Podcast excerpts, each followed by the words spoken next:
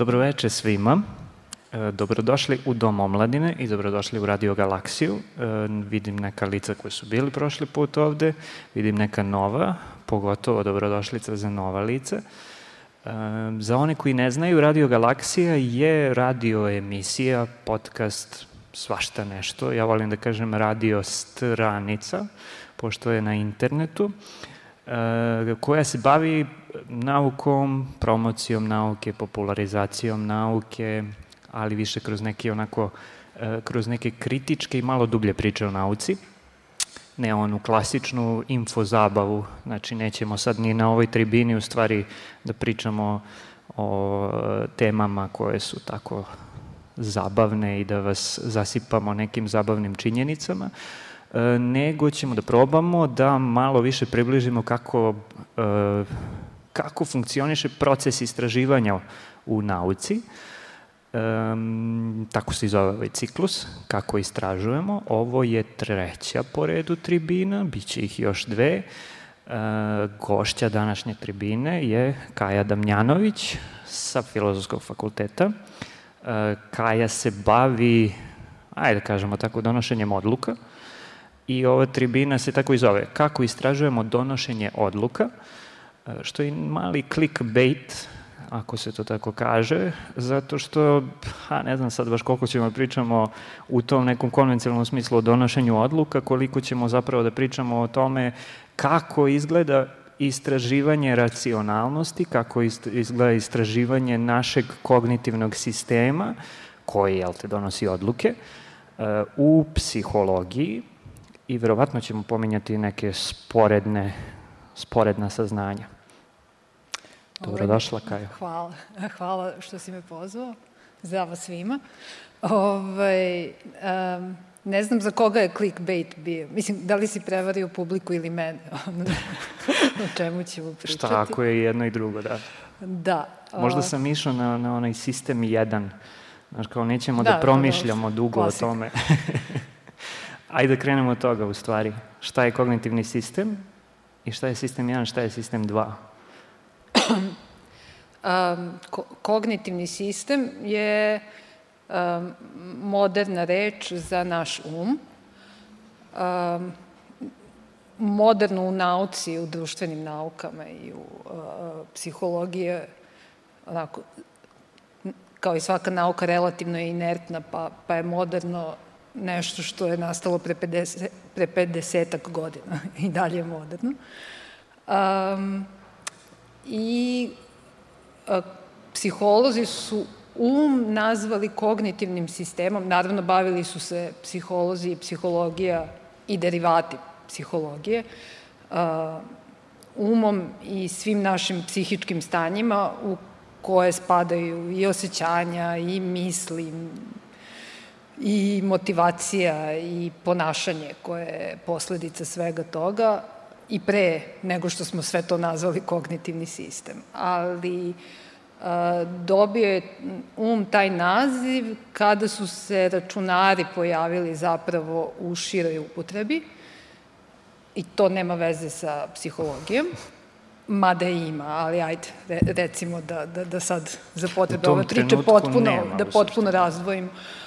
Um, I u tom momentu, najjednostavnije rečeno, psiholozi barem ovi psiholozi mišljenja, koji se, dakle, usmeravaju samo na jedan segment našeg uma, a to je mišljenje, a ne možemo da se svedemo samo na mišljenje, ali, ok, jedna grana nauke samo to izučava, zapravo pokušavaju da objasne um i procese mišljenja, to jest kognitivni sistem, putem analogija sa računarskim sistemima.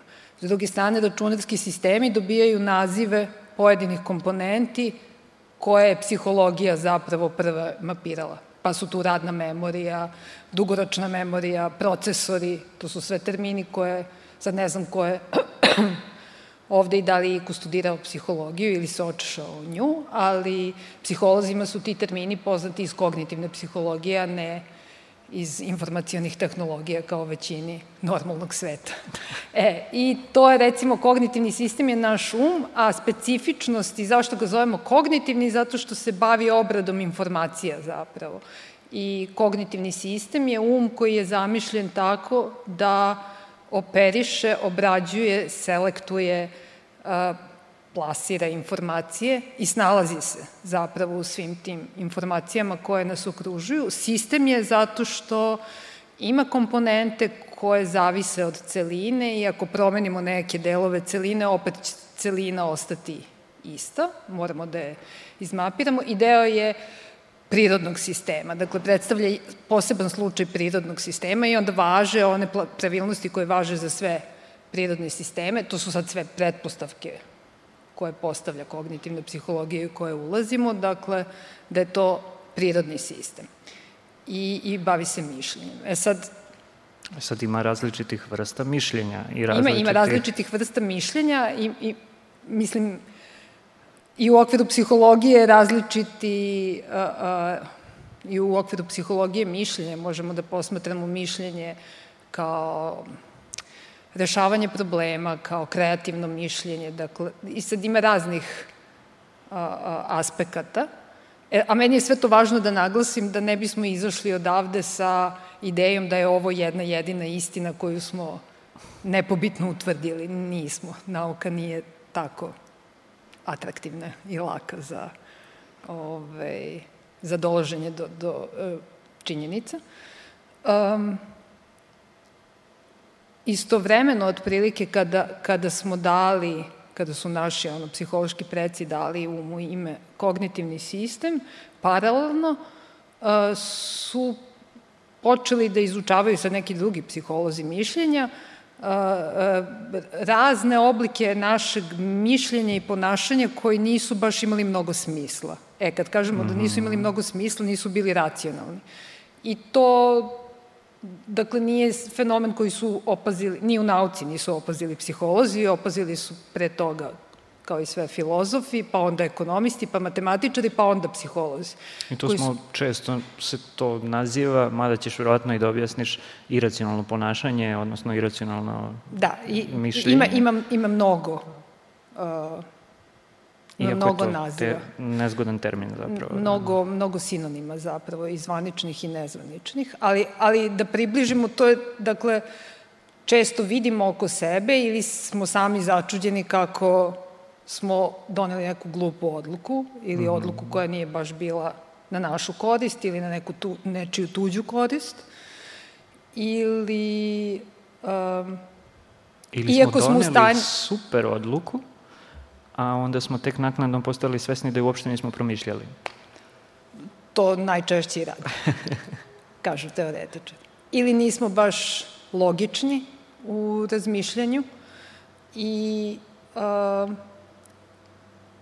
psiholozi, dakle, ispituju te fenomene, zovu ih kognitivne pristrasnosti ili bajasi kasnije dobijaju naziv i ispituju ih toliko mnogo u eksperimentima uglavnom, uh, da zaključuju da je to toliko sistematski ili onako pervazivni fenomen kome smo svi skloni, bez obzira na uzrast, polo, obrazovanje, neko manje, neko više, različitim vrstama, ali dakle svi imamo u svom repertoaru mišljenja, odstupanja od e, logike verovatnoće i teorije e, e, normativne teorije odlučivanja. Dakle, svi smo ponekad iracionalni, kako si ti rekao, ili ograničeno racionalni, ili predvidljivo iracionalni. Nisu to, to takođe nisu psiholozi mišljenja prvi primetili, mislim, ni u okviru psihologije. Mislim, iracionalno kao pojam se ispituje u psihologiji još od Freuda. Mislim, nije to... Uh -huh, uh -huh.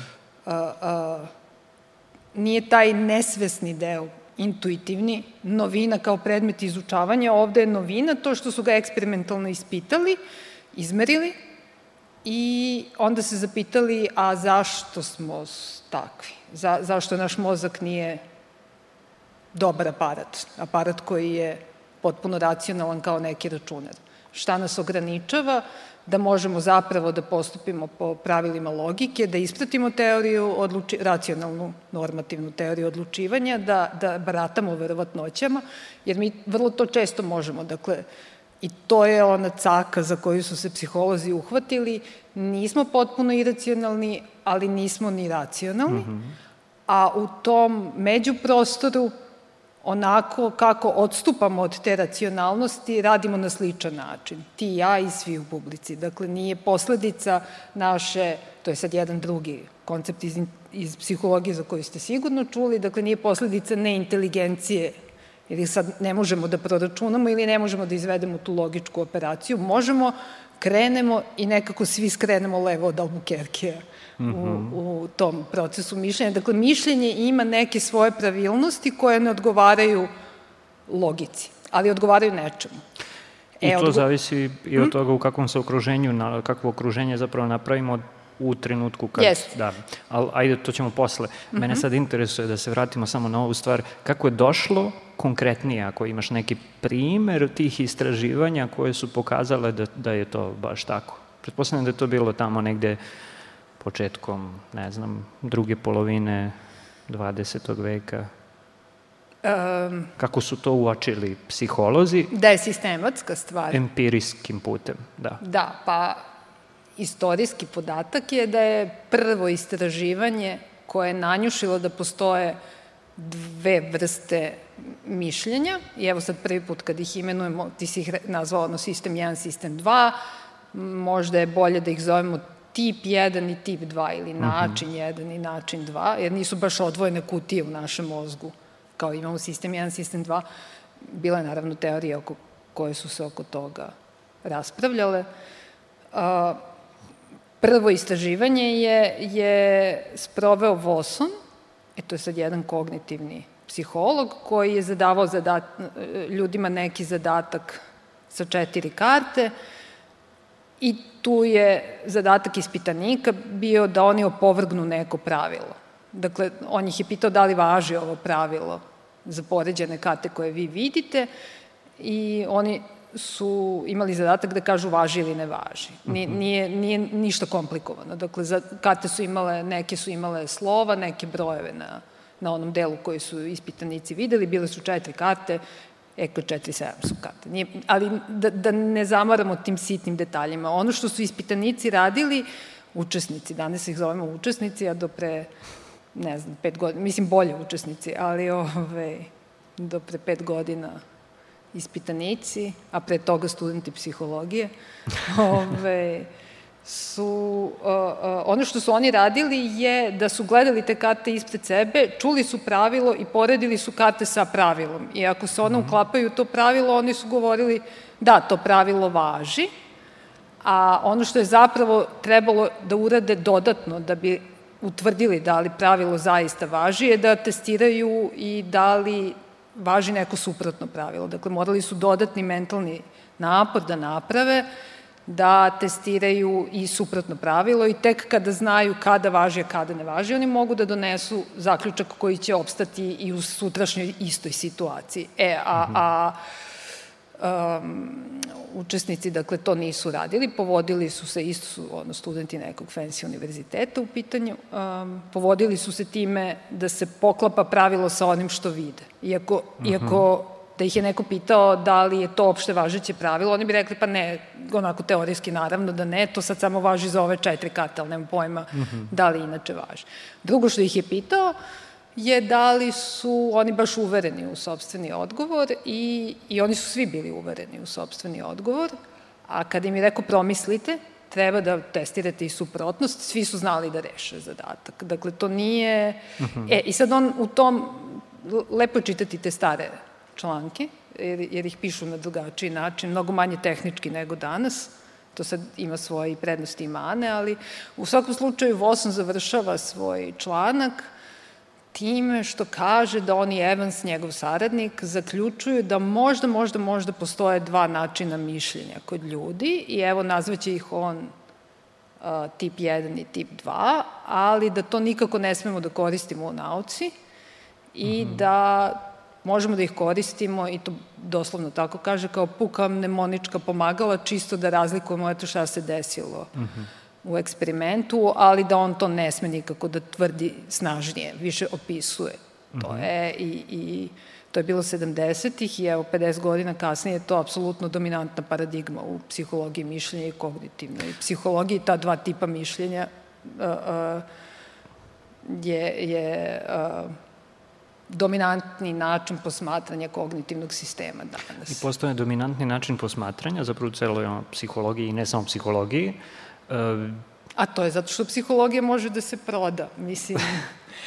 I naravno, a, i to, mislim, kao što važi ono pravilo, kao što važi ono pravilo, bolje je lakše naučiti matematičara ekonomiju pa da, da dobije Nobelovu nagradu, tako je možda lakše naučiti psihologa ekonomiju pa da dobije Nobelovu nagradu. I zapravo od te jedne Nobelove nagrade je i krenulo, a sa time stvarno ispravljaju, ja, ja sad ovo sve tipom jedan trenutno, a, od Kanemana, jel te, koji je najpoznatiji u da, celom tom polju. Da, Kaneman je ono apsolutno super zvezda. To... I Tverskog, da. da. Kaneman je poznatiji možda po ovoj knjizi koji kod nas izašla. Zato što je umro, mislim, uh -huh. pa, pa nije stigo da se mhm. probije. Ali ovaj, umro pre dobijanja Nobelove nagrade. Nobelova nagrada se ne dodeljuje posthumno, tako da je Kahneman primio, ali je primio za rad, za taj model ljudskog mišljenja koji su njih dvojice razvijeli i na svim radovima su obojice potpisani i to mm -hmm, naizmenično. Znači mhm. Kahneman pa Tvetski, pa Tvetski Kahneman kako, kako objavljaju. Tako da, da Tvetski nije uh, dočekao. Pa da, u, u širu javnost svakako to dolazi, bar je moj utisak da dolazi preko Kahnemana i danas koga to zanima ima u glavi sistem 1, sistem 2, Kahneman. Mm -hmm, Kahneman, mm -hmm. pa onda još dodaju godinu dve, zarez 2011. kad je objavio a, a, knjigu. Kad je izašla Thinking Fast and Slow. Um, kod koja je prevedena kod nas kao misliti brzo i sporo. Mm -hmm. Helix je izdao i verovatno reizdao sto puta zato što je uh, popularna. Mm -hmm. E, a, a, a to je, mislim sad ne znam koliko je štebetski, koliko je stvarno zanimljivo, ali zanimljivo je u toliko što i u naučnoj literaturi se to, kad, kad se navode dva tipa mišljenja, obično referenca ide na Kahnemana, to 2011. A da je neko pročitao knjigu, video bi da Kahneman naglašava kako on dualnost mišljenja prihvata jako kasno u karijeri, nakon što je uh -huh. I dobio Nobelovu nagradu i nakon što je razvio sve svoje modele sa Tverskim, jer je empirija toliko bogata bila da je on poklekao pred tim. Nije se on nešto, mislim, nisu se oni protivili ideji od dva načina mišljenja i, i nego se nisu bavili. Oni nisu, jesu psiholozi po obrazovanju opisivali su fenomene koji nedvosmisleno pripadaju mišljenju i u tom smislu to jeste predmet psihologije, ali njihov model nije psihološki u punom smislu, mnogo više formalno kognitivni model, koristi neke formule, naslanja se na ideje ekonomije, matematike i zato nagrada iz ekonomije, zato što je u ekonomiji isto ostavilo a, a, velikog traga. Ali, ali ono što Kahneman i Tvetski jesu, pored te teorije izgleda, prospekt teorije, mi je prevodimo kao teorije izgleda, što, što je solidan prevod, čini mi se. Mislim, to izgleda je više smisleno, što je i dobro za, za ovu teoriju. Ono što Kahneman i Tvetski jesu ostavili u amanet psihologiji, paralelno sa Vosonom, a to je pojam heuristike koji su uveli u psihologiju i stavili je na scenu tu, 74. godine. Dakle, oni rade ove eksperimente gde opažuju kako ljudi kao, a, a, nisu baš logični, kako biraju iracionalne opcije i biraju opcije u zadatku odlučivanja ili u uslovima rizika koje im ne donose korist, rade protiv sebe, nisu svesni, a kad, kad ih pitaš da li su svesni, oni kažu pa jesam, ali ne, mhm, mhm. kad ih pitamo da, šta ste odgovorili, oni kažu drugu stvar tri sekunde kasnije. Ubeđeni su u svoju, ubeđeni smo u svoju racionalnost i promišljenost. Um, e, I njihova empirija je njima bila toliko ubedljiva da su oni rekli mora biti da mi imamo neki algoritam u našem umu koji nije samo logički, nije samo verovatnoća, nije, dakle, ovo sve što znamo iz škole, što, što mhm, umemo da mhm. primenimo kad nas neko natera, nego imamo i neki inkapsulirani, zakopani algoritam koji još uvek nismo uspeli da opišemo, jer da ga nemamo, onda bismo grešili svi, svako na svoju stranu. A mi ne mhm. grešimo svako na svoju stranu, nego je svih u Vosonovom zadatku sa četiri karte, svi učesnici su grešili na isti način, a nisu isti ljudi. Ove...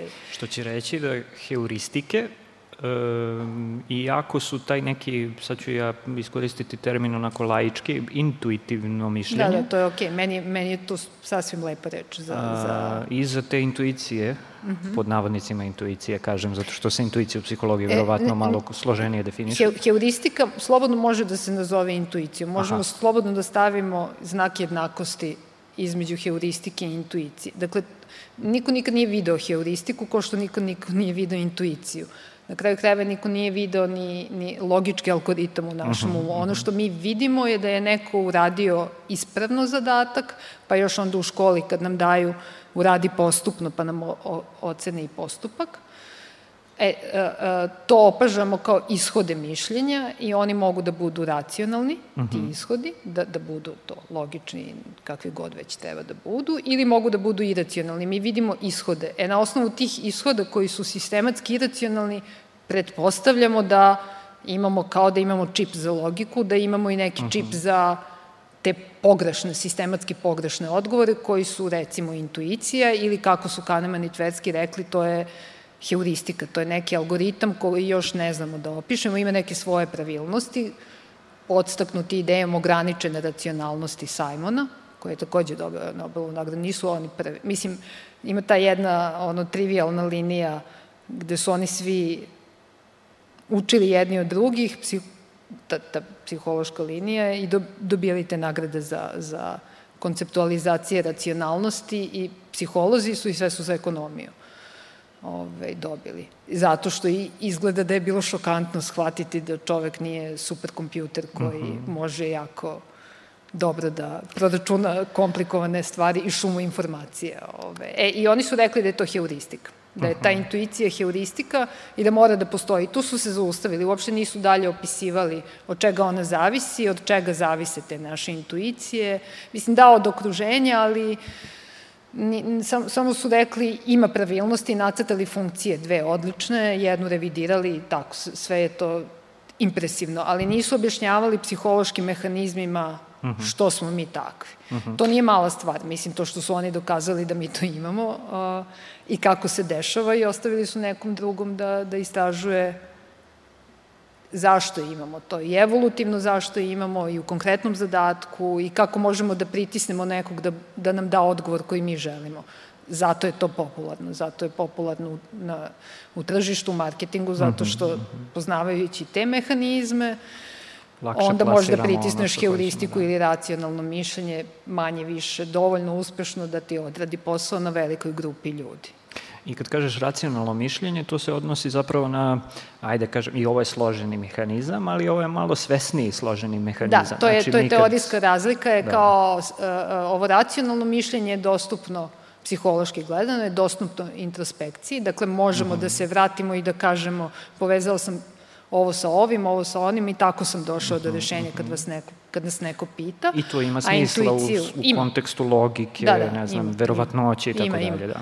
A, a intuicija nemamo mm, pojma. Ne Možemo da. da damo neko objašnjenje koje vrlo verovatno ne odgovara realnosti misalnog procesa, a nije dostupno Ali i ono što, ajde sad da se vratim i da pocrtamo tu, to ne znači da iza heuristika ne postoje zapravo mehanizmi Da, super je što si to podvukao, da. zato što, zato što se moj utisak, ja ne znam da li sam upravo, ali mi je snažan utisak, pa evo, iskoristit ću priliku, zato što se često uz heuristike ka, a, navodi sintagma mentalne prečice. Kao hop, samo se javio, nekako magično se javio taj -hmm. odgovor nama umu, ne znamo odakle, pao s neba i, i mora biti da je prečica i pošto nije taj spor proces gde mi proračunavamo, mora biti da se ništa nije desilo. Iza toga ne može biti pogrešnija ideja mm -hmm. e, iza toga. Mislim, e, i da, ove, kako to sad već na ovakvim događajima ide, obično se citira neki stariji profesor, ja ću citiram jednog svog starijeg profesora koji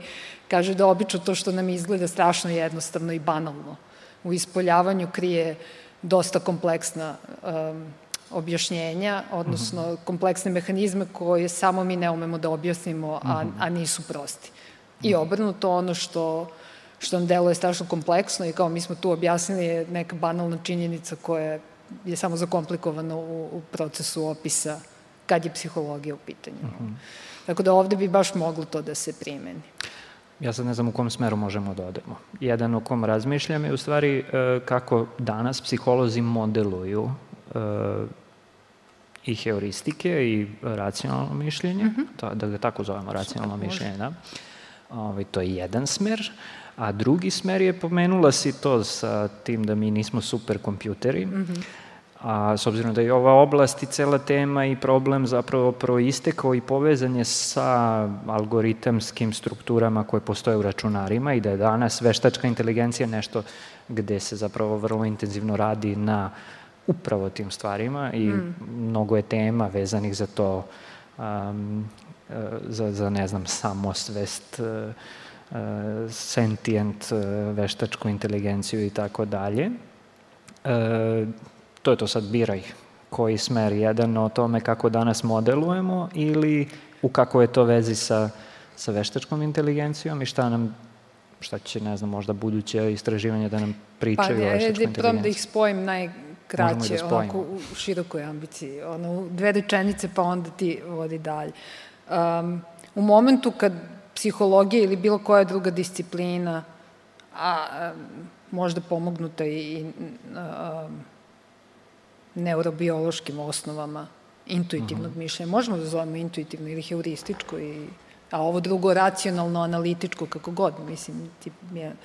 Ove, um, e, u momentu, meni se čini, um, da u momentu kada budemo uspeli da opišemo intuiciju i heuristiku i da stavimo granične uslove u kojima se ona, mapiramo granične uslove u kojima se ona odvija i kad budemo mogli da je predvidimo, Dakle, da je opišemo na taj način da znamo šta će se desiti u određenim uslovima ako primenimo taj a, način mišljenja a, i osnovne principe i sve zakone, da je onda pitanje trenutka kada će veštačka inteligencija postati stvarno pametnija od nas, jer trenutno baš nije.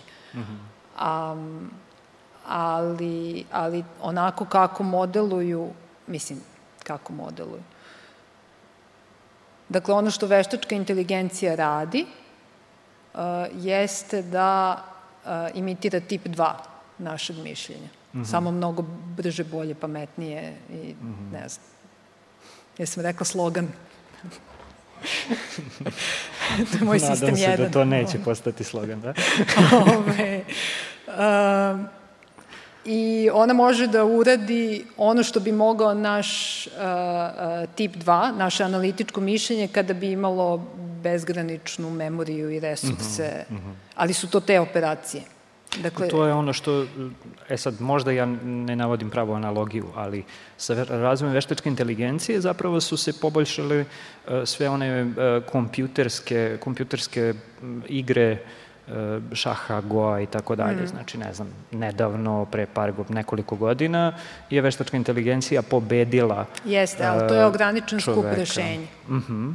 Ali... Znači, to, to je matematički ograničen skup rešenja koje možeš da imaš u jednoj partiji šaha. To se meri verovatno milijardama, ali, ali dakle imaš ta pravila, na... uh -huh.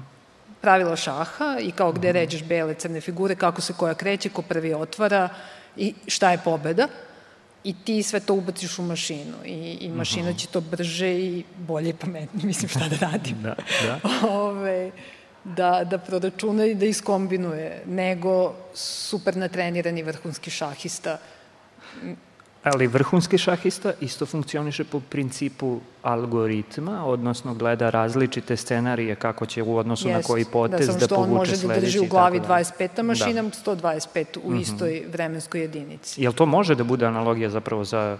Uh... E, pa, pa možda, mislim može, ali možda šah nije najbolja jer je šah baš igra, rad, Vrlo igra matematičko-logička, da. Da, ona je uh mhm. -huh. igra tipa 2, ne, uh -huh, uh -huh vrhunski šahista, mi ćemo možda da ga posmatramo um, dakle, dobro istrenirani šahista, kao dobro istrenirani lekar-diagnostičar, kao dobro istrenirani teniser ili hvatač u bejsbolu, ili na kraju krajeva pas koji hvata frizbi. Mi ćemo to sve opažati kao um, kada bismo ti i ja posmatrali, mi svi kako oni to rade, pa kako tako brzo, neverovatno. Mm -hmm kako tako brzo reši problem, kako zna šta će da se desi. Um, I, I onda to nama deluje čudno. Mm. Oni nekad mogu čak i da kažu da to intuitivno rade, ali ta intuicija nije, dakle, pala s neba. Mm -hmm. uh, i, i nije posledica slučajnosti, posledica je okruženje i ogromnog iskustva koje imamo u datom mm -hmm. okruženju. I, na primjer, kad su to, to heuristika pogleda zove, kad su stavili kamericu pre GoPro a, psu, da kad hvata frizbi, kako uspe tako da uhvati frizbi, kako zna, zapravo ono što pas radi je da drži fiksiran ugao sa frizbijem i telo mu se samo namesti. Sa, samo prati. Kao, kao da je, mislim, to stvarno deluje magično kad, kad Zato što jedini drugi način koji mi imamo da objasnimo to je pa proračun, mora da je proračuno da, da, da, rešio je sve diferencijalne da, načine da, kretanja i isto, I, I kao kako je to brzo uradio, wow. E, ali, ali, e, isto, isto se pitamo za vrhunskog tenisera ili hvatača Aha. loptice ili diagnostičara lekara koji kad se uh mhm. -huh. Um, dakle, recimo neki uh, uh, diagnostičar koji ima 30 godina iskustva u postavljanju diagnoza date bolesti, kada se poredi sa vrhunskim stručnjakom koji ima mnogo manje iskustva, koji je recimo dve godine iskustva u tome ima. I sad oni imaju parametre na osnovu kojih postavljaju diagnozu, dakle kriterijumu da se postavi diferencijalna diagnoza i tih parametara je 15 recimo za neko obolenje, nemam pojma, za karotidnu stenozu. I od tih 15 neiskusni lekar, pod navodnicima, ne može bude neiskusan pošto se ono, naškolovao i radio recimo dve godine to, dobit će pokazatelje za, za datog pacijenta ili za grupu pacijenata za svih 15 tih parametara koji važe za određenu bolest. I sve će da ih gleda i podjednako će da ih vrednuje i onda će da mhm. razmišlja, proračunava i bit će malo sporiji u tome, ali prosto poklanja pažnju svakom od, svakoj od tih važnih informacija koje su dobijene na osnovu ozbiljnih merenja, dakle nisu tračevi ili nešto. Uh. -huh. A iskusni diagnostičar će pogledati tu istu listu od 15 i od tih 15, 10 potpuno, ne, neće ih gledati, dva će da pogleda eventualno, a fokusirat će se na tri, zato što u prethodnih 30 godina uh, ta tri ima, e, su mu davali veći procenat informacije nego svi ostali zajedno. Uh mhm. -huh. I on to zna. Uh mhm. -huh. Njegova intuicija je naučila, dakle, pravilno je ponderisala, pravilne verovatnoće je dodelila pravilne. Intuitivne verovatnoće je dodelila svakom od to, tih mhm. kriterijuma. Koja se u suštini zasniva na empiriji, samo što je to neka... Ne empiriji, da, ne empiriji, da. mislim na ozbiljnoj empiriji, dakle nije palo s neba, nego je stvarno postavljao diagnozi, mm -hmm. ostalo verovatno nije beležio, ali nije ni bitno zato što mu je mhm, um mm -hmm. u tom zadatku 8 sati dnevno najmanje i u tom smislu je istreniran. Mm -hmm. Tako da ta intuicija ili taj uh, uh, algoritam koji je inkapsuliran može zapravo da se na neki način, ali mnogo teško, ali može da se uvežba i primeni ono što je fora sa njim, što nema transfera. Mislim, to što si super diagnostičar, ama baš ništa ne znači uh mhm. -huh. za igranje šaha, glasačko ponašanje ili uh mhm, -huh. Mhm. bilo šta drugo. Ono.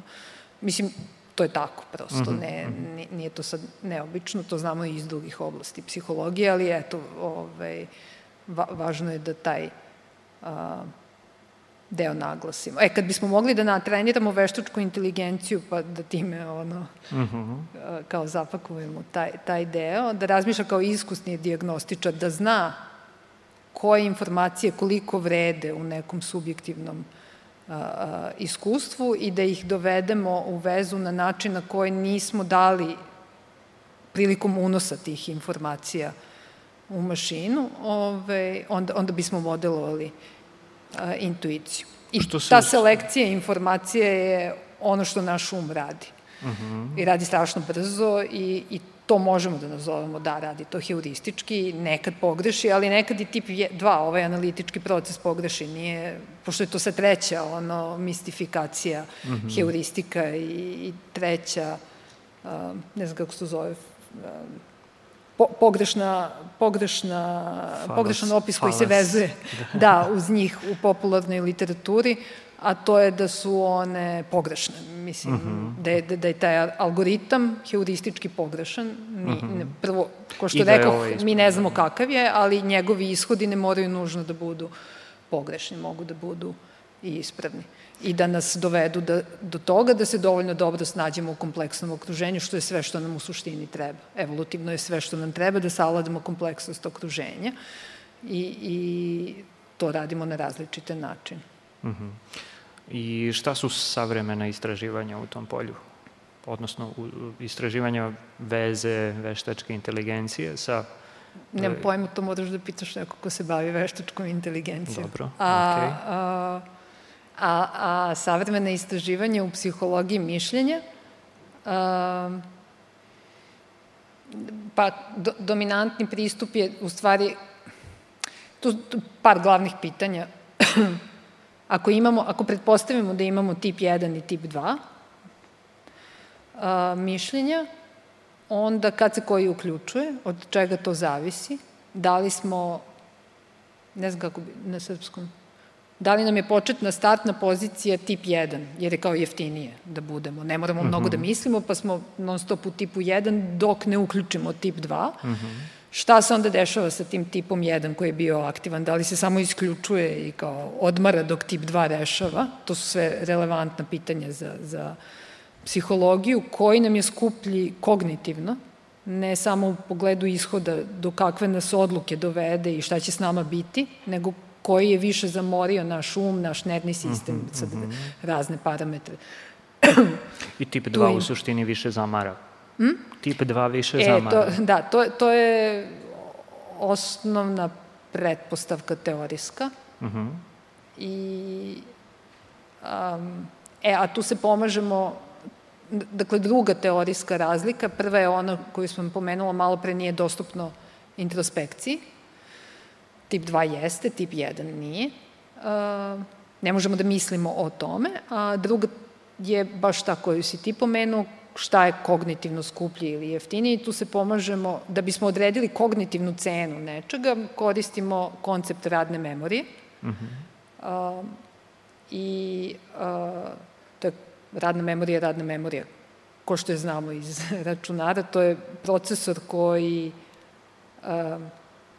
brzo obrađuje podatke, i selektuje ih i poslaže ih na neki način koji nam, to sad baš pokušam jednostavno da objasnim, na način na koji možemo dublje da ih obrađujemo. Posle ih šalje u dugoročnu memoriju ili u neke druge a, komponente kognitivnog sistema, ali to je njen zadatak. I a, a, teorijska razlika između tipa 1 i tipa 2, a radna memorija je takođe pretpostavka, ali baš se obilno testira i koristi i, i u eksperimentima, je e, opterećena više kada mislimo analitički nego kada mislimo heuristički. To mhm. je ideja i to, ali, ali to se, mislim, testira. Čak i ako je to slučaj, pitanje je šta se dešava u sekund kasnije kada završimo to analitičko mišljenje, da li ćemo, ako smo imali veću potrošnju radne memorije, da li su nam iscrpljeni resursi, pa sledeći mm -hmm. zadatak moramo da rešimo intuitivnim mišljenjem zato što smo prosto kognitivno umorni mm -hmm. i, mhm. i pod, ili smo se pak ubrzali jer ne znamo kako dakle mhm. zato što je radna memorija baš se sad usmerila na rešavanje, zagrejala se, da. zagrejala se i ubrzan nam je kognitivni sistem i šta će biti u sledećem zadatku. Mm -hmm. I empirija ide da testira, da poredi te dve stvari. Nemamo očigledan odgovor. Mm -hmm. Ili, na primer, pitanje je kako možemo iz okoline, i to su sad opet koncepti neki iz mhm. filozofije, došli u psihologiju, pa smo ih mi, mislim, pa su ih psiholozi fino operacionalizovali, um, da li možemo, ako nam je početna pozicija da budemo u intuiciji ili u heuristici, a ne mora to da bude tačno, ali recimo da jeste, um, ako imamo dva sistema, uh, jedno pitanje je kako možemo da okinemo taj sistem 2. Znači, uh mhm. -huh. koji signal uh mhm. -huh. možemo čoveku da damo, a da ne bude razmisli, uh mhm. -huh. jer ni to ne pomaže mnogo, da, da stvarno primenimo analitičko mišljenje, a ne da damo odgovor iz stomaka. To se sad odnosi I na... I to se uglavnom odnosi na okruženje, uh -huh. na nešto s polja, nešto što nije deo našeg uma. Uh -huh. I to s polja su u stvari razne poruke koje nam dolaze ajde sad možemo i da krenemo sa pričom o koronavirusu. Uh -huh. a, kako mi sad treba da donesemo odluku, koju ćemo vakcinu da primimo, da li ćemo da primimo, da li ćemo da odemo kod lekara i tako dalje. Ili generalno za zdravstvene odluke. E, to koji ćemo sistem da uključimo, pretpostavljam, a sa time opet ispravi, e, da to zavisi od toga na koji način nam se plasiraju informacije o tome da. na osnovu kojih mi treba da donesemo zapravo da. neku da. odluku. Da, da, e, i to je, dakle, ka, kakva je kompleksnost okruženja u kome donosimo odluku. Da, zavisi od toga. Sad, kad pričamo o informaciji, znači, kognitivni sistem koji obrađuje informacije, kad kažemo informacije u, u ovom kontekstu ne mislimo samo na ono što dole, što kolokvijalno zovemo informacijama, uh mhm. -huh. ono što je u medijima, što, što je napravljena informacija, je, ili, ili neki podatak koji nam je neko dao, nego doslovno sve što izbombarduje, što okružuje naš mozak, sve. Od ovog svetla, ljudi, stolice, mm -hmm. vlažnost vazduha, sve su to informacije za naš, sve to naš mozak mora da obradi istovremeno mm -hmm. I da selektuje, na primer, u vezi sa odlukom za vakcinaciju, koliko je vlažnost vazduha u ovoj prostoriji relevantan podatak za donošenje odluke o mhm, vakcinaciji. Mm -hmm. Pretpostavljeno nije. I to bi bilo Pazi. dobro da, da zanemarim. A, a, a u informacijonom užem smislu, u tom medijskom, sve to oblikuje našu odluku i tu su koncepti koji su važni za ovu oblast kada razmatramo da li su odluke racionalne ili nisu.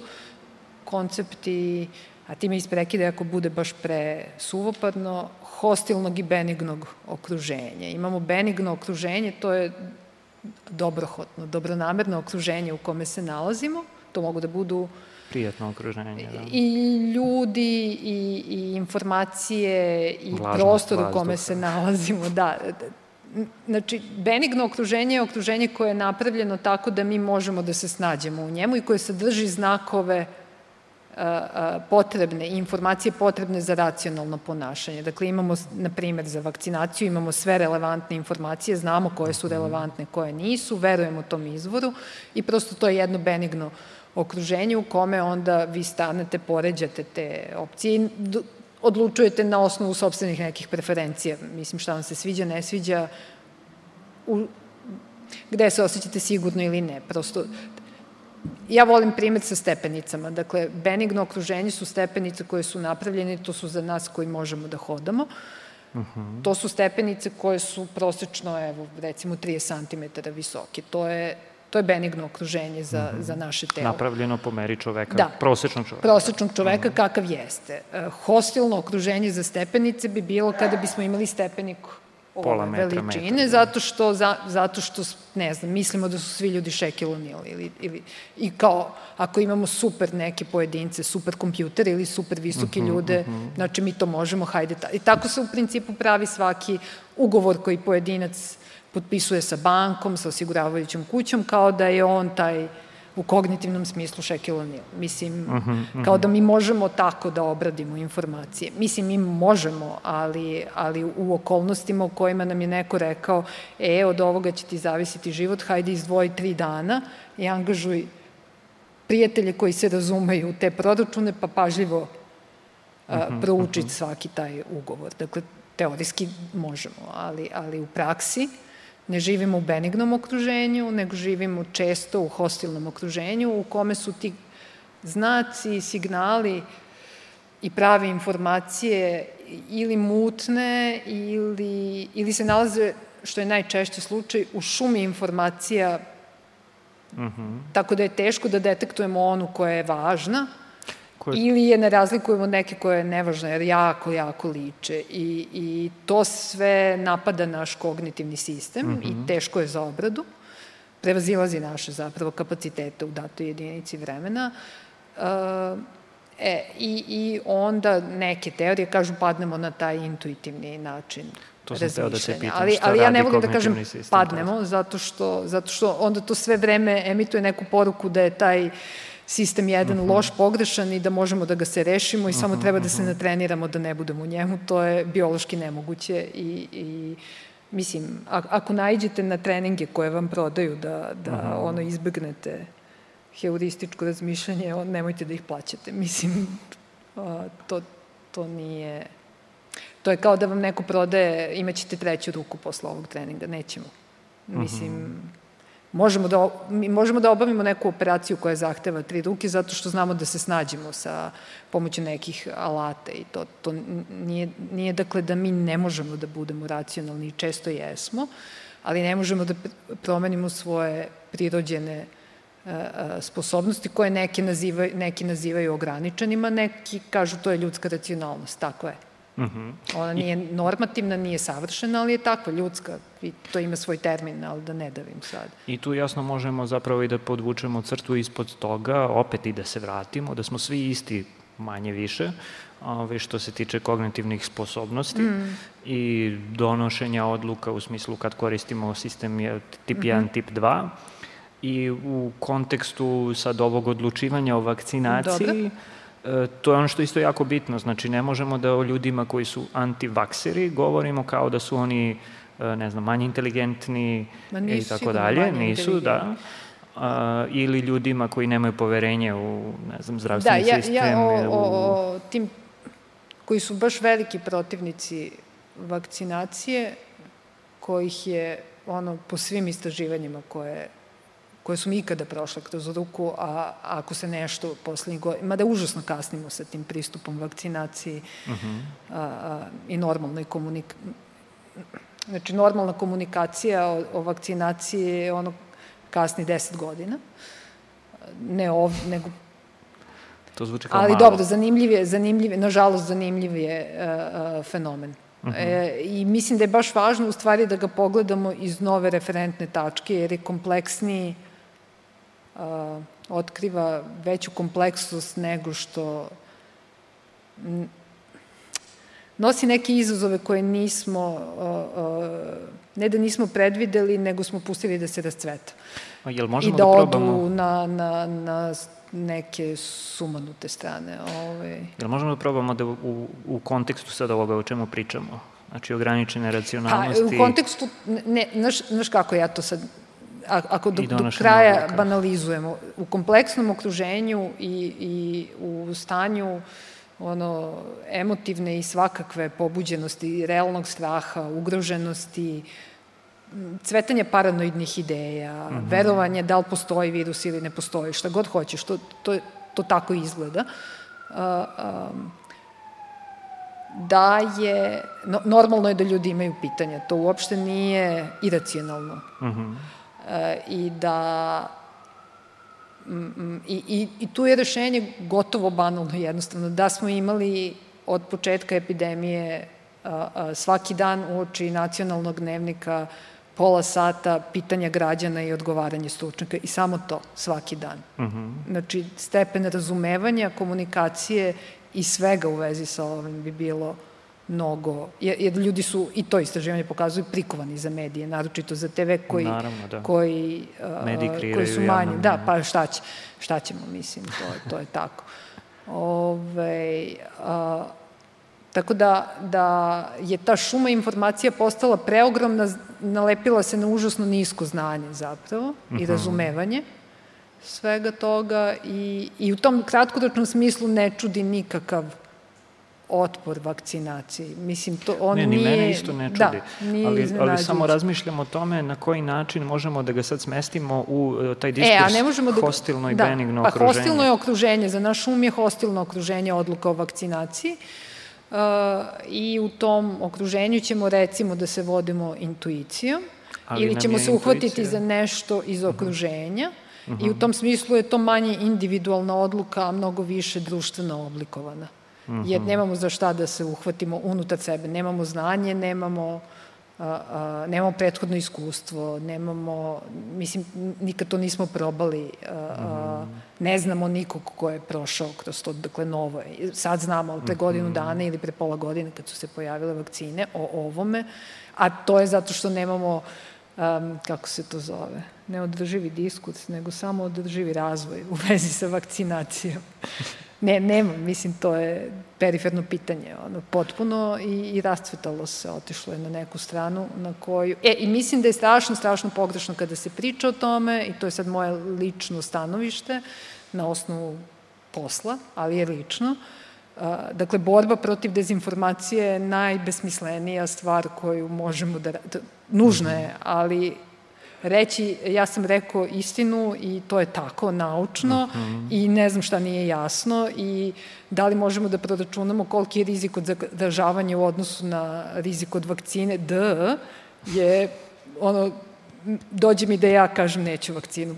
Znači, strašno pogrešna komunikacijona mm -hmm, strategija, a to su mhm. redke komunikacijone strategije koje viđamo da se bore protiv mm -hmm. a, a, protiv otpora prema vakcinaciji. A, -hmm. Smislenih zapravo nema.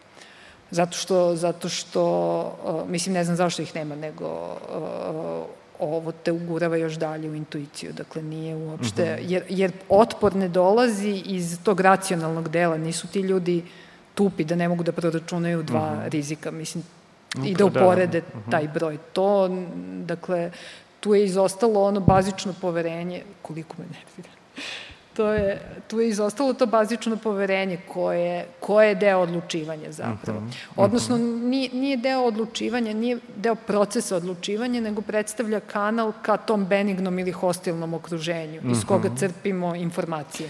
E to je ono što mi je zapravo, zašto, zato što sam ti naveo na ovu priču, a to je da je nama poverenje jako važno kakvu god odluku da donosimo da. koja je složena, jer Jest. mi ne možemo da, ne znam, evo, Jest. ajde sad treba kupimo novi auto, ja ne mogu da sednem i da sad naučim sve o automehanici, da. autoelektrici i tako dalje, pa da onda sve saberem i da kažem aha, ovo je bolje od ovoga.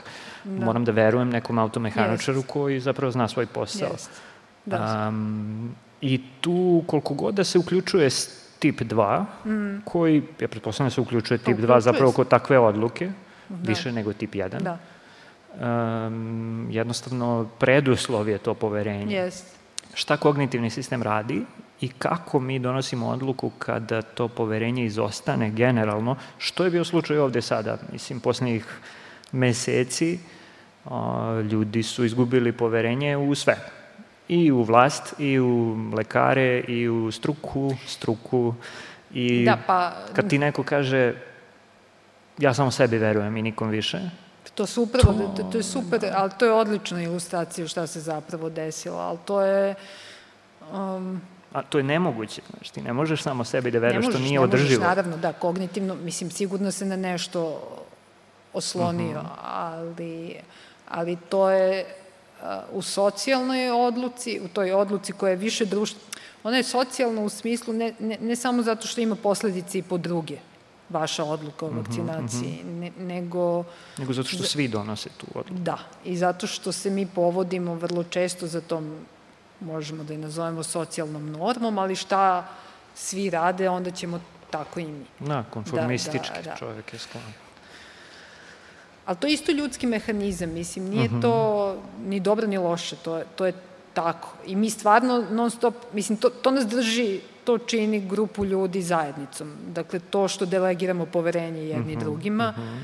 i, i u oblasti racionalnosti postoje teorije koje objašnjavaju da zapravo i modeli koji se empirijski ispituju, koji objašnjavaju da zapravo svaka naša diskusija, mislim neko peć, ali, ali svaka komunikacija, svaki kontakt dve osobe je evolutivno važan zato što služi zapravo da ojačaš, da pročistiš svoj argument i svoje viđenje sveta, da bi ono bilo više u skladu sa, sa iza toga je kompleksna neka mm -hmm. uh, um,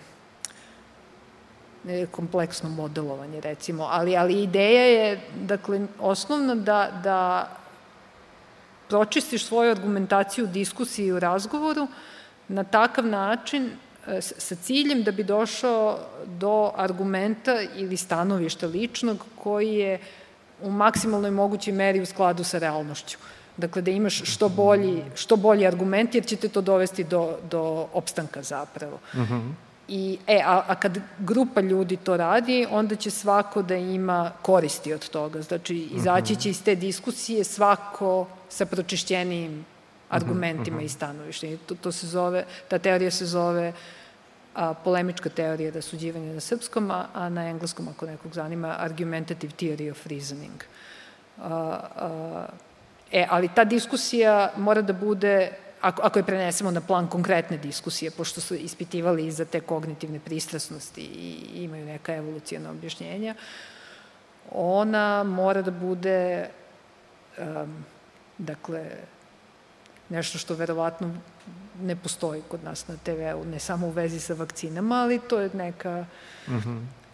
komunikacija koja je usmerena na argumentaciju, bilo koja da je ona, ali argumentaciju u smislu nepobitnih činjenica o kojima medijska, možemo da. da, da raspravljamo. Dakle, mi možemo da raspravljamo o, o kvalitetu, ne, o, o, o okviru tih činjenica i da li su, da li su posledice tih činjenica dobre ili loše ili da li, kako ćemo da ih predstavimo i ostalo, ali ne možemo da ih uh, pobijamo i da kažemo ne, to ne postoji, mislim, ili, uh mhm, -huh, ili, uh mhm. -huh. ili postoji nešto što ne postoji. E, tada polemička teorija rasuđivanja predviđa potpuni pakao uh, i, i, ove, i tu anomiju, kako bi rekli, u, u, u drugim uh, uh, društvenim naukama, dakle od ljudi prestaju da budu, ne, nema, nema tog kanala komunikacije, nema tog poverenja koje mm -hmm. mi mhm.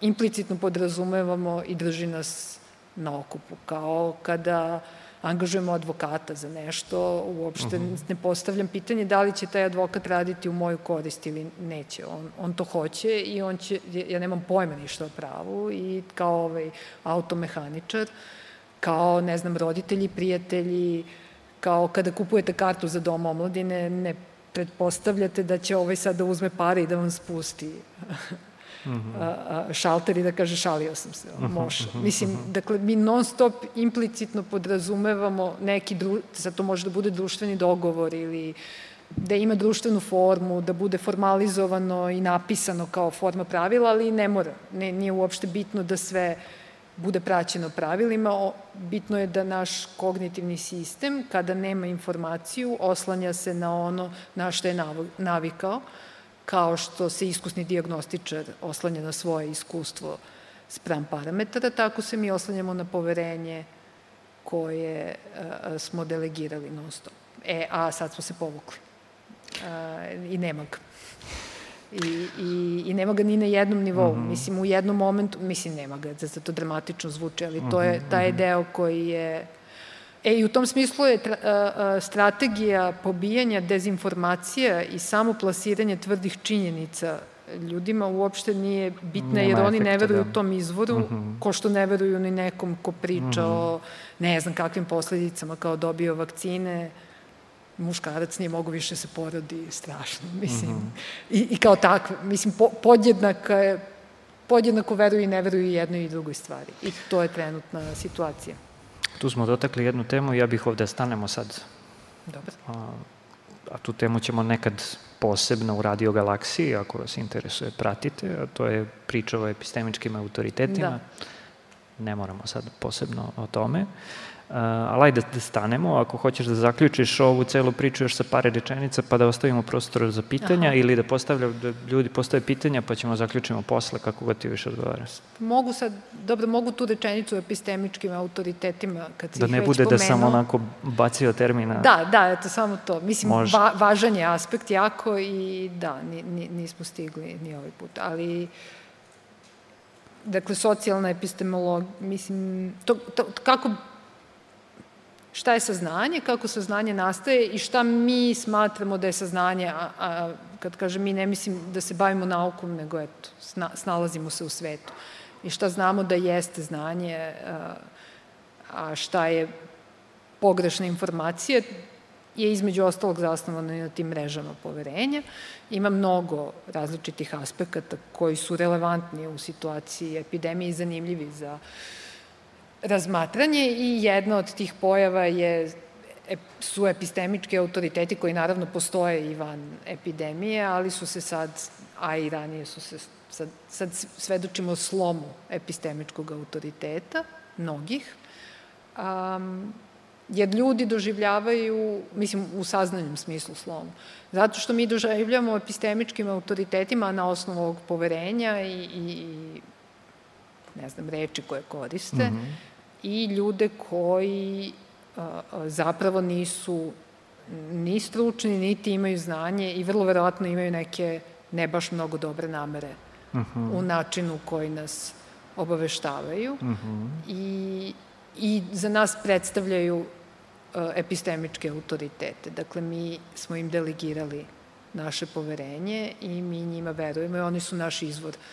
saznanja. Ali to je isto, mislim, ka, ka, kao u onim apokaliptičnim filmovima američkim, pa kao kad prođe kadar preko razrušenog grada i, i svašta sve je sivo, tu i tamo je neki dim i obavezno imate nekog propovednika na kutici koji nešto priča, kraj je blizu i ne znam, daj mi pare da, da ti rešim. Mislim, ni, mm -hmm. to, to, je, to je to. I, i imamo, drug, drugi je epistemic trespassing, ne znam kako bi se to na, engles, na srpski prevelo, ali dakle, stručnjaci iz jedne oblasti koji jesu uh -huh, ugledni, uh -huh.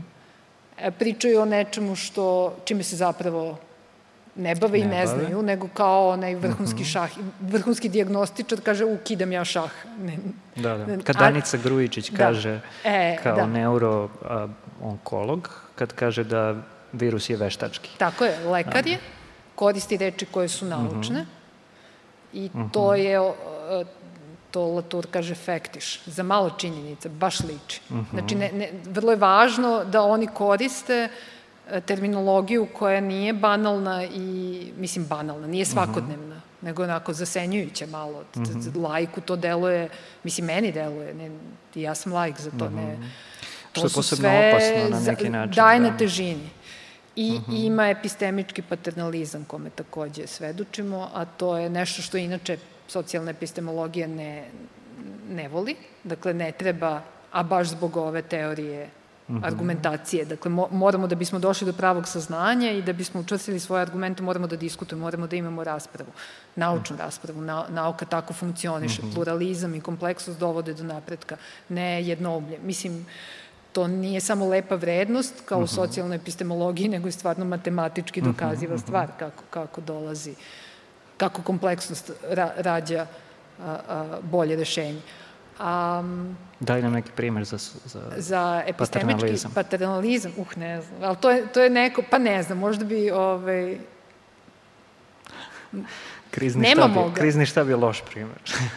da, pa to, to je neko ko ti uh, uh, ko bi trebalo da daje neupitne činjenice. Mislim, i sad vrlo su slični kao ovi slomljeni epistemički, lažni epistemički autoritet. Mislim, nisu oni lažni iz psihološkog smisla, oni, oni stvarno jesu autoriteti ljudima, ali zapravo nemaju pseudoepistemički, eto, možemo tako da ih nazovemo. Recimo da istu ulogu igraju i, i da su um, epistemički, da, da upražnjavaju epistemički paternalizam koji inače nije poželjna u neepidemijsko vreme ili bilo koje vreme nije poželjna, poželjni način saznavanja, nije poenta da neko dođe i kaže ti gotovu uh -huh, uh činjenicu, čak ni u nauci, nego je poenta da ti kaže znamo ovo, ovaj deo ne znamo, Ajde da a ovo su pogrešni nalazi. Hajde uh -huh. sad ti reši to, pa onda tako i tako uh -huh, dalje. Jedino tako može i da dođe do...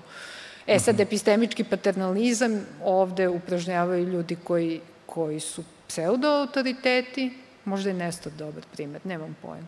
Ali mislim, svi, svi se na, na isti način ponašaju, daju gotove, kao uh mhm. -huh. to je jasno, nema, nema tu šta da mhm. se raspravlja. Uh mhm. -huh.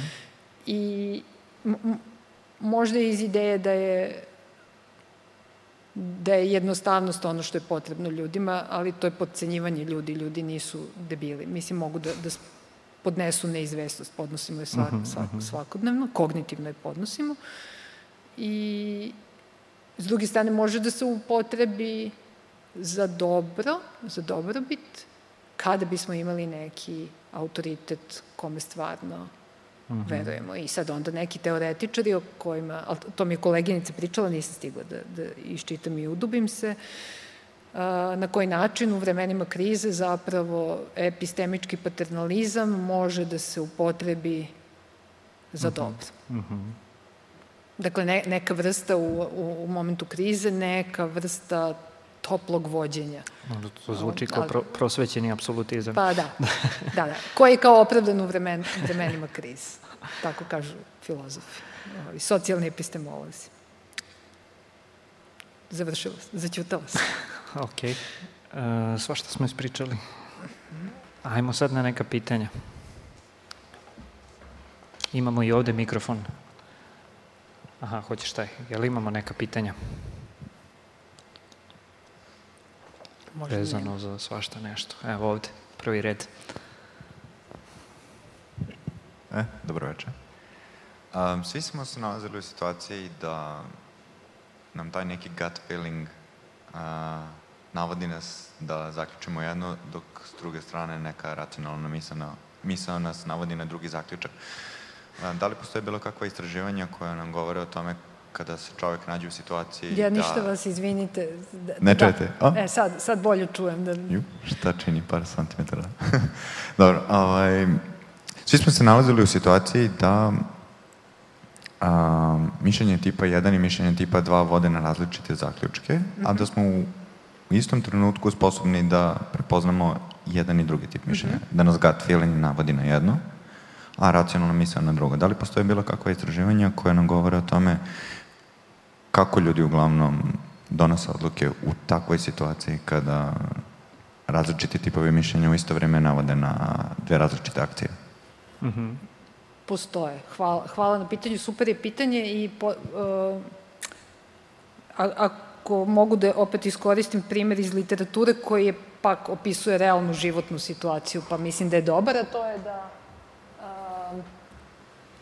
kada kuvamo nešto i nalazimo se u, u tesnoj maloj kuhinji i kuvamo supu i supa kreće da kipi i mi posegnemo za ručkama da maknemo tu šerpu sa izvora toplote, istovremeno znajući ne hvataj vrele e, drške golim rukama, opećićeš se.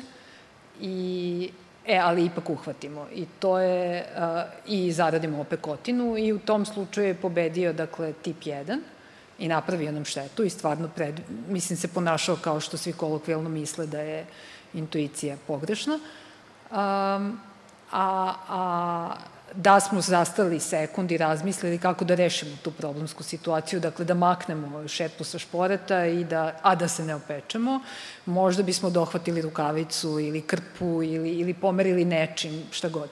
A, I to je a, zapravo Clarkov primer, za to kako u našem umu postoje dva tipa odgovora, dve mentalne reprezentacije, dva načina odgovaranja na istu situaciju kojih smo istovremeno svesni, zato je isto to kao što ste vi pitali, a koji zavise zapravo od okruženja. Istraživanja su radila, rađena u smeru koji signal, gde da staviš para, mislim, malo karikiram, ali kako da staviš rukavicu čoveku ispred nosa da mu zaustaviš uh, intuitivni odgovor.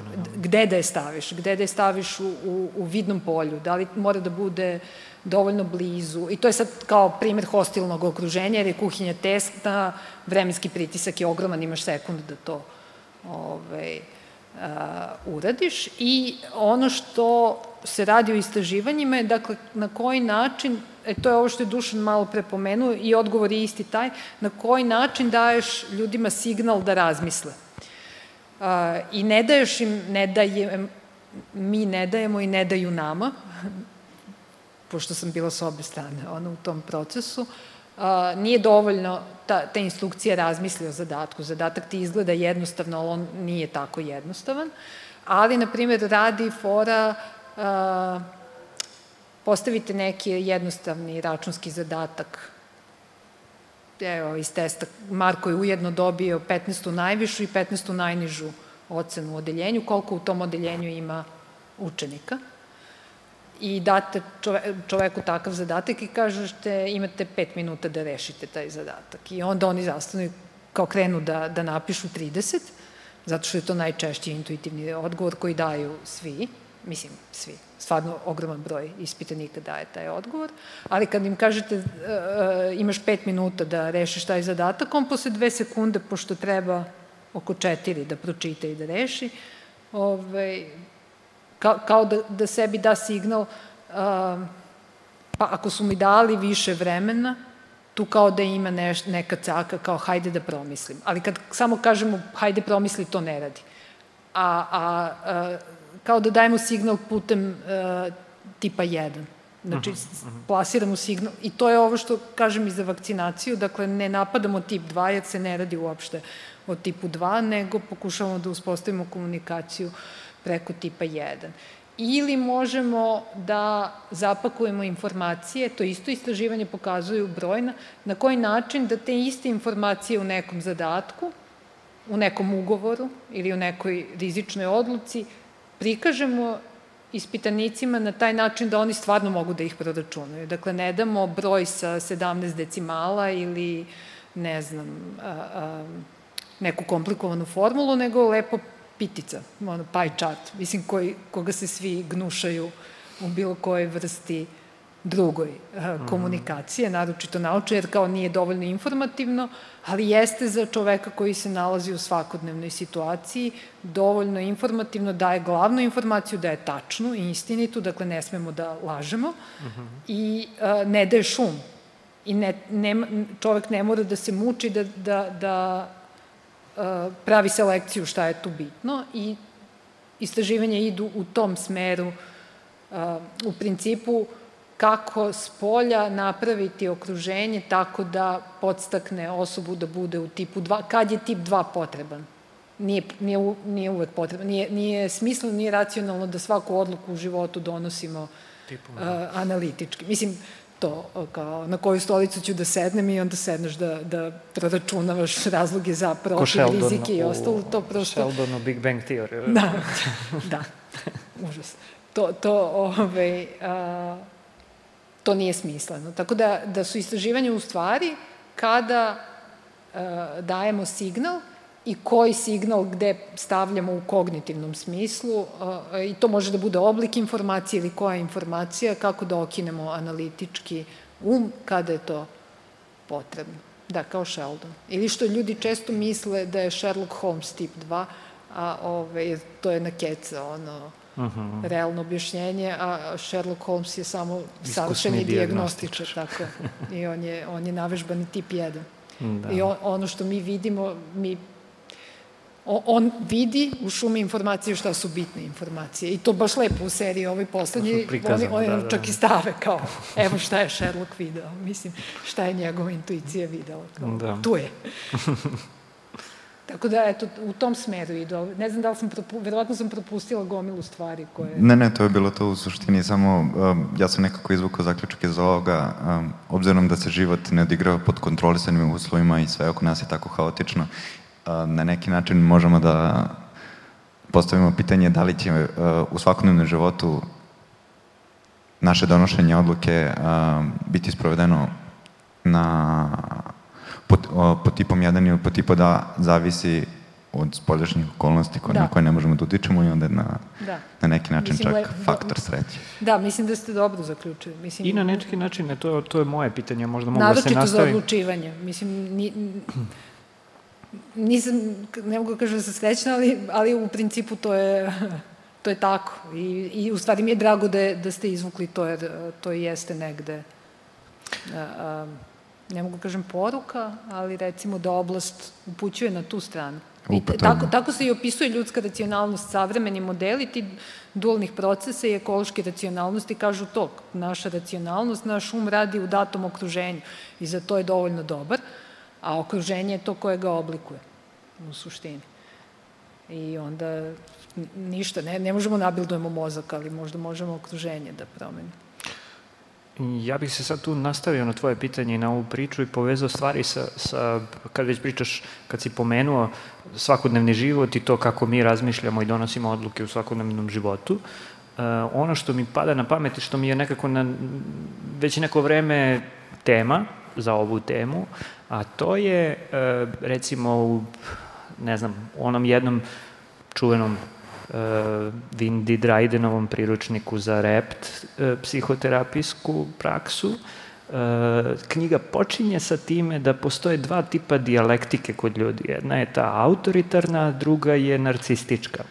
I sad to, pretpostavljam, ima veze sa strukturom, sa ličnosti, individualnim razlikama i tako dalje. I mi sad u stvari treba da radimo na tome da amortizujemo jedan ili drugi mm. i da dođemo do nekog racio, racio, ne racionalnog, nego realističnog zapravo mišljenja i re, realistične racionalne odluke. Da. Um, koliko to zapravo, kakve Men, veze ima taj... Ima, ne, sad, verovatno bi se kognitivisti gnušali da, da, da kažemo da ono kognitivno ima veze sa ter, psihoterapijom, uh mhm. -huh. ove, ovaj, ili psihoanalizom, ali to su sve isti, isti, mislim, u istoj meri kao što i, ne znam, umetnost filmovi opisuju te ljudske tendencije koje nisu nisu lako objašnjive ovim tvrdim normama koje, mhm. -huh. koje znamo. I um, u reptu ima taj tvrdi zahtev da ne mora sve da bude fair, ne mora sve da bude logično i realnost je takva i tvrdi zahtev je prihvati takvu realnost. Uh -huh. I mhm. to je a, a, navežbaj svoj mozak da to a, prihvati. Navežbaj ga terapijskim tehnikama koje, a, a, koje se vrlo često zapravo i zasnivaju na, na to dijalogu ili na nekim tehnikama ono đavoljevog advokata ili nešto, ali dakle um, na, navežbaj svoj, a, a, mislim, niko neće, ni, nije mnogo, nije eksplicitno napisano, ali nije ništa naročito smelo pretpostaviti da, da, da zapravo vežbaš svoj tip 2, da, da zanemari tip 1. Mislim, i, mm -hmm. i E, ali to nije besmisleno. Mislim, uh mhm. -huh. sad s vrednostne strane ljudi mogu da raspravljaju to, ali e, psihoterapija nije proces koji se ono, ostaje samo na um, magijskom uticaju i na rečima, nego stvarno menja nervne uh, veze. I mi imamo ono brdo istraživanja koje to pokazuju, tako da to odradi posao sad do koje mere i kako, odradi posao. Uh, A, a iracionalno, rekla sam to i na početku, mislim to i taj nesvesni iracionalni deo je uh, svakako prvi Freud uh, uh -huh. u mhm. psihologiji uh, opisivao. I, ali sve, sve priča kako preslikavamo to okruženje fizičko, realno u naš um i koliko smo u skladu mm -hmm. sa mhm. realnošću. I rept ti kaže moraš da budeš u skladu sa realnošću, to ti je, jedin, to ti je najbolja strategija koju možeš da, mm -hmm. Da imaš, pa suštini, kakva god da je ta realnost. Ovo se u suštini odnosi na to šta mi možemo da uradimo da bismo e, donosili bolje odluke. Znači, bez obzira na to što svi mi koristimo tip 1, koristimo tip da, 2, pa ne, ne, grešimo da, ne i tako znam. dalje. Mislim, ja tu baš nemam nikakve ove, Nije prvi put da, da, da čujem to pitanje. A pritom i... ne pitam te za savet, znači pitam te o tome šta nam istraživanja iz ovih oblasti Aha. možda mogu da daju. Pa mogu da nam daju... Možda mogu da daju. Možda, možda, da. Možda mogu da nam daju za sada kao radnu hipotezu, ajde probamo pa onda da vidimo. Mogu da nam daju, da nam pomognu u selekciji informacije. Uh -huh. um, I Dakle, ne da neko selektuje za nas informacije, nego da te informacije budu prikazane onakvima kakve jesu. Jer istraživanje pokazuju da kada vi date ljudima, i to baš brojne istraživanja pokazuju, mislim, neka, sam, neke, neka su mi i prošle kroz ruke, ono, neka sam i ja radila, tako da je vrlo siguran nalaz. Kada ljudima date kompletnu informaciju koja ne ostavlja nikakve dileme značinske, šta to sad znači što smo mi prikazali ljudima, čak i kada se drži informacija o verovatnoći ko, za koje mislimo da, da ljudi ne, ne mogu time da mhm. barataju. Uh, uh, ali kada damo celovitu informaciju, onda uh, uh, nema tih, na, on, onda je sposobnost, odnosno moć ljudi da manipulišu nama, mm -hmm. ne mogu kažem gotovo nikakva, ali drastično smanjena. Kada damo istu tu informaciju a prećutimo jedan mali segment, a u nekoj drugoj opciji koju poredimo sa tim malo naglasimo nešto drugo, tu cvetaju svi mogući bajasi. Mislim, mi mhm, tu mm -hmm. odlučujemo sistemom 1 i ne znamo da odlučujemo mm -hmm. sistemom 1, mhm. zato što su nam informacije tako prikazane, ni ne de detektujemo da nam nešto fali. Kada pitamo ljude jeste imali sve informacije, ljudi kažu jesam, a kao mm -hmm. niste imali ovo, u da. Dakle, kada imamo kompletne informacije, onda vrlo lako uh, korist, mnogo lakše, ali gotovo vrlo lako koristimo tip 2, to je jedna korist, a druga je što je moć nekog da manipuliše nama, znači imamo i mi ličnu korist, mhm. a i oduzimamo moć nekom zlikovcu koji hoće da a, a, manipuliše. Tako da je to jedan a, od načina, dakle, celovitost informacije koju dajemo i na taj način se pravi podatak lako, jer to je ono što pomaže lajcima. Dakle, na taj način se pravi podatak uh, lako razlikuje od lažnog podatka. Lažni podatak nema ili ima previše detalja, ili su ti detalji anegdotalnog tipa, ili su izmišljotine potpune, ili ono prećute kauzalnu vezu, a, podrazu, a podrazumevaju da su je rekli i ostalo. E, ali onda kada damo pravu informaciju bez istih tih elemenata, onda čovjek stvarno ne može da razlikuje mhm. -huh. jedno i drugo. Mislim, to je isto kao što ste pitali, taj signal ne treba da dolazi sa znakom prava informacija, kriva informacija. Uh -huh, ne, mhm. ni, može, ne, ne škodi, ali nije dovoljno. Do, važno je da, da našem kognitivnom sistemu da celovitu sliku, da mi nemamo kognitivnu disonancu i da ne osjećamo tu joj, ovde nešto, nešto fali, i da ne budemo svesni toga i u to što mi provaljujemo da nešto fali, neko ubacuje a, a, uh -huh. manipulativne elemente. Tako da način na koji se prikazuju informacije, gde a, a, šta, šta nam nedostaje i, i, i selekcija onoga o čemu treba da razmišljamo tipom 2, a o čemu tipom 1 na, na širem. Uglavnom su ove stvari e, ne socijalni fenomeni, ali od, uglavnom se odnose na grupe ljudi.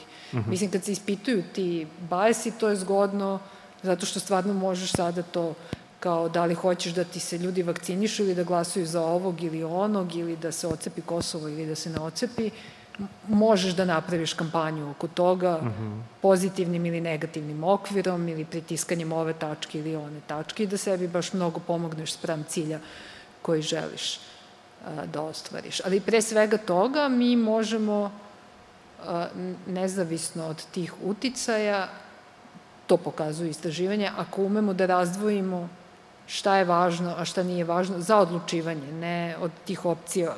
Kad jednom dođemo do odlučivanja, onda je zgodno da tip 2 koristimo. Kad, kad smo već odlučili da mhm, mhm. odlučujemo o nečemu. Ali, ali ne moramo o svemu. I ne treba o svemu. I mhm. vrlo često se okruženje vrlo često hostilno, zlonamerno prema nama na takav način da nas navodi da tip 2 trošimo na stvari koje nam nisu od, od mhm. suštinske. Mislim, najbanalniji primer je kada obsesiramo to oko kupovine auta, a, a ne obsesiramo o, o tome da li postoji škola ili zdravstveni sistem koji nam je dostupan. Znači, to, mhm. to, to nam se sviđa ili nam se ne sviđa. Ono, to naš stomak voli ili ne voli, a kao kola, to, znači, to ćemo baš da raspravljamo. Mislim, a, a čak ni ne razmišljamo da li nam trebaju kola, nego kao kola, imaš 30 godina, moraš da kupiš kola. Mislim, ja nemam, ali mm. tak, tako nekako treba. Mm -hmm. I, I tu, na, znači na ta dva mesta, recimo, da, da možemo sebi da pomognemo. Da izaberemo šta ćemo tipom 1, šta ćemo tipom 2, i kada, kada ra, gledamo tipom 2 da, da vidimo šta je celo, a šta nam fali od informacije.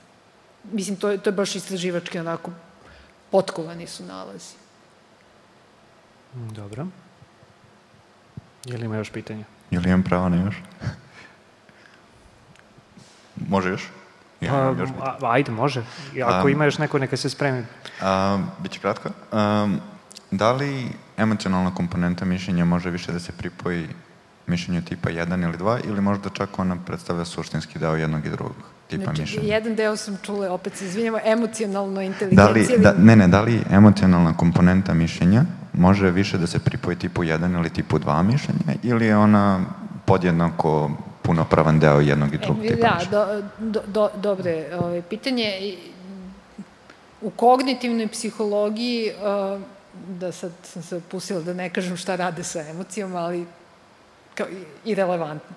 Ove, u realnosti, uh, kada bismo teorijski raščlanjivali šta su tip 1 i tip 2, emotivna komponenta bi uh, recimo bila više tip 1, ali ne u lošem smislu, ne dakle uh, iracionalan sam zato što sam emotivan, nego za, mislim, ta veza ne, ne stoji, uh, nego zato što tip 1 ne umemo, šta tip 1 radi zapravo? Tip 1 stvara veze uh, asocijativnom memoriju, diskriminat, diskriminacijonim učenjem i raznim drugim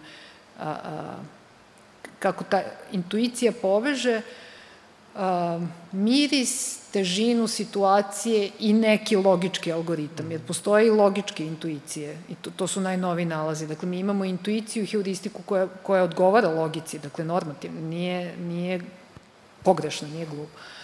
E, i, i, i u tipu 1 je, to sve može da bude povezano. Naprimer, heuristika je a, ideja, spontana, mi je doživljamo kao spontano, da nešto što je novo je nužno i dobro. Mi imamo taj osjećaj. Novo znači dobro. Iako kad stanemo kao, pa i ne mora da bude, ali nekako idemo sa tim kroz svet i zaustavimo se kad treba. Ali, dakle, spojeno je novina i spojen je kvalitet. Te dve dimenzije uopšte ne moraju da budu spojene u realnosti. U tipu 2 se to ne dešava. Dakle, u tipu 2 su spojeni elementi koji su dati u zadatku. Dakle, jednakost, množenje, korenovanje i to je to. Proračunaj verovatnoće, izračunaj rizik i ostalo i tu nema prostora imamo jasna pravila kako da izađemo na kraj sa tim zadatkom. To radi tip 2 i emocije ti ne trebaju u tom smislu. Ovde možeš da ih iskoristiš za dobro i za loše, ali e, a u, sad kad se skroz odmaknemo, ne postoji životni trenutak ni jedan sekund u kome emocije imali nismo. Mislim, to samo psihologija razdvaja drugačije ne ume da istražuje. Mhm. Imamo psihologiju emocija, psihologiju mišljenja, pa motivacije, pa ponašanje i ostalo, ali u realnosti u svakom sekundu. E, emocije su fiziologija. Mi i da hoćemo ne možemo da kažemo, e, aj sad nemoj kao ništa ćao hormoni, ćao ono, amigdala, kao odmori sad.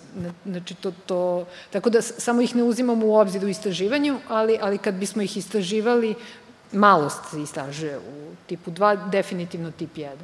Pitam zato što sada kada smo već pomenuli poverenje autoritetu, recimo, ja sam se susretao sa ljudima koji um, kada obrazlože zašto nešto misle, to na papiru deluje kao promišljeno mišljenje, ali strana posmatrača sa strane je očigledno da je to uh, neko mišljenje koje je obojeno emocijama i pristrasno je, ali opet je prošlo kroz neki proces um, analize, procene i na papiru bi pripadalo um, mišljenju tipu 2, ali očigledno je ta emocionalna komponenta koja sa strane deluje jednostavno iracionalno. Dobro, ali mislim, da, ali, ali da li je ta emocionalna komponenta zakrivila tip 2? Da li je tip 2, mislim to bi bilo super eksperimentalno pitanje, da li je tip 2 procesa, znači postupak rešavanja zadatka, skrenuo na pogrešnu stranu zato što su se u tom momentu javile emocije. Ako nije, mm -hmm. kakve veze ima? Mislim, mm -hmm. to je, mhm. to što je neko besan ili ljut uopšte ne znači da je... Ili... da su radili ljudi istraživanja. Radili su, da. Razljute ljude, pa im onda daju zadatke. To, da... to. Ne, to, to uopšte ne, ne mora da narušava racionalnost. To hoću da kažem sad u vašem primeru. Mislim, primer, ne znam da li... Na da li... E, sad, kada već pričamo, to je živimo u svetu COVID-a, stručnjak MCV-u koji je kvalifikovan za, lice da za. da priča o stručnjaku, a, ali on je lekar, lekari svi lažu i ja neću da verujem šta on govori. Ja ništa nisam Nisam ni ja razumela. Ja um, ništa, majke ja baš ne znam koristiti mikrofon. Ma, uh, da, okej. Okay. Ovaj... Možda da malo slobodno odalješ mikrofon i da ga malo podesiš ugao, kao ko što aj, aj sad. To, to. Da. E, Jel se čujemo? Da. Da. U, odlično. um, naprimer, imamo stručnjaka na TV-u ali ja mislim da svi lekari lažu. Samim tim stručnjaku na TV-u ne želim da verujem, jer ono što on govori nije istina. A tu, gde je tu emocija? Ja je nisam pa, čula. Um, tu je emocija, to jest, jel se to onda ne naziva emocija? Ko je? Um, to da ja imam odbojnost ka lekarima, recimo. To je neko, to nije, da kažemo, kritička pa, misla, to je opredeljenje koje je bazirano na nekoj emociji ka njima, zar ne? A zašto je na emociji? Mislim, ja i dalje ne čujem a, gde, gde je tu emocija. On, kao mrzim lekare. To jeste jedna i... pristrasnost. Ali, da. Znači, um... Ne, ne znam, mislim, može da bude, ali recimo, ajde da, da, ovaj, da uzmemo nekog ko, eto, baš mrzi leka, ono, mrzi ih, osjeća mržnju i kad bismo mu izmerili psihogalvanski refleks, našli bismo tu formulu, ono, visoke negativne emocije, afektiviteta prema, prema lekarima.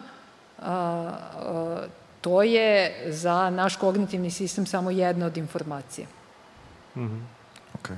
znači... I ok, mislim, re, legitiman je izvor informacija za, za nas na osnovu koga možemo da donesemo odluku. Sad, ako je vaše pitanje da li je to racionalno ili nije, to je tako. Um, i, I to je tako, ljudska racionalnost je upravo takva. Znači, mhm. ljudska racionalnost nije ni tip 1, ni tip 2 i nije normativna, nije logička, nije principi racionalnosti normativne teorije odlučivanja i nije račun verovatnoći. Ljudska racionalnost operiše informacijama upravo tako kako ste opisali. I za visoko negativno iskustvo ponovljeno, recimo da je dovelo do te obsesivne mržnje prema lekarima. Ja, mislim, to sad ja objašnjam, to bi meni bilo racionalno. Da, da kao je neko imao opetovana negativna iskustva pa razvio tu mržnju, možda nije, možda je to samo kao koga mhm. ću ja da mrzim, ja ću eto mrzeti lekare. Ono. Ove, a, a, to je za naš kognitivni sistem prosto jedna informacija koju očigledno mnogo zasićujemo i na osnovu toga donosimo odluku. I Koja... I to, to ako, je reš, ako je pitanje kako tu osobu naterati da bude racionalna u ovom normativističkom, konzervativnom smislu, da ne mrzi lekare, uh, bojim se da tu ne može mnogo da se uradi ako, ako je moja ideja o tome da je on imao gomilu negativnih iskustava ili ih procenjuje kao sumanuto negativna, to ili, ili da ozbiljno proradi ta negativna iskustva i da kaže eto drugačije nije moglo ili da promenimo sistem. Ne možemo da promenimo mm -hmm. to šta je ta osoba ovaj, preživela. Znači, I ako, ako je preživela i ako tome pride toliku važnost, to Znači, to je i dalje racionalna misla u okvirima a, informacija koje su dostupne tom A ek, ekološki je racionalno. Okay. Ekološki je racionalno. To je što nam se ne sviđa, mislim, da. Ok, ok, kapim. Ali ekološki racionalno. Onako kako ljudska racionalnost funkcioniše, da. Ok, hvala. To je to od mene. Da. Ok. Hvala. Je li ima još nekih pitanja? Prvi put? Drugi put? Aj sad uključite tip 2. Šalim se. E, ništa, ako nema nikakvih pitanja, hvala ti Kajo. Hvala tebi, hvala vama. Hvala vama što ste došli. E, ja se nadam da je i ovo sad što smo mi ovde ovako fizički e, malo uticalo i na to da promenite zapravo svoje raspoloženje u celom ovom haosu koji se dešava već godinu dana. Meni bar jeste, od kad sam počeo da dolazim ovde da, da, da, da držim ove krivine. Kao šta je ovo? Hm? Meni je ludilo od ove, pretrane stimulacije, kao da. ljudi, otvoren prostor i tako to. Pa držimo se svih epidemioloških ne, ne, mera. Ne, držimo se, i... mislim, za, da, da, da se čuje na ono, audio zapisu, sve mere su ispoštovane, ali, ove, ali, ali je novo iskustvo, to hoću da kažem, posle 100 godina. Da. E, ništa. E, čujemo se sledeći put. Sledeća tribina će biti 23. juna. Uh, vidjet ćemo šta će biti tema, to još uvek dogovaram. Uh, pratite Radio Galaksiju, pratite Dom omladine, imate tamo sve na Facebooku, Twitteru, Instagramu i tako dalje. I na kraju ću samo da pomenem, uh, što zbog vas, što zbog ljudi koji će ovo slušati, odnosno trenutno slušaju u nekoj budućnosti našoj, a njihovoj sadašnjosti. Uh, ako neko želi da pomogne Radio Galaksiju finansijski, to može da uradi preko Patreona ili Paypala, patreon.com, kosa crta Radio Galaksija, paypal.me, kosa crta Radio Galaksija i to je, su te standardne servisne informacije na kraju emisije, odnosno sad ove tribine. Um, I to je to. Ništa. Pozdrav. Puštamo sad muziku. uh, da.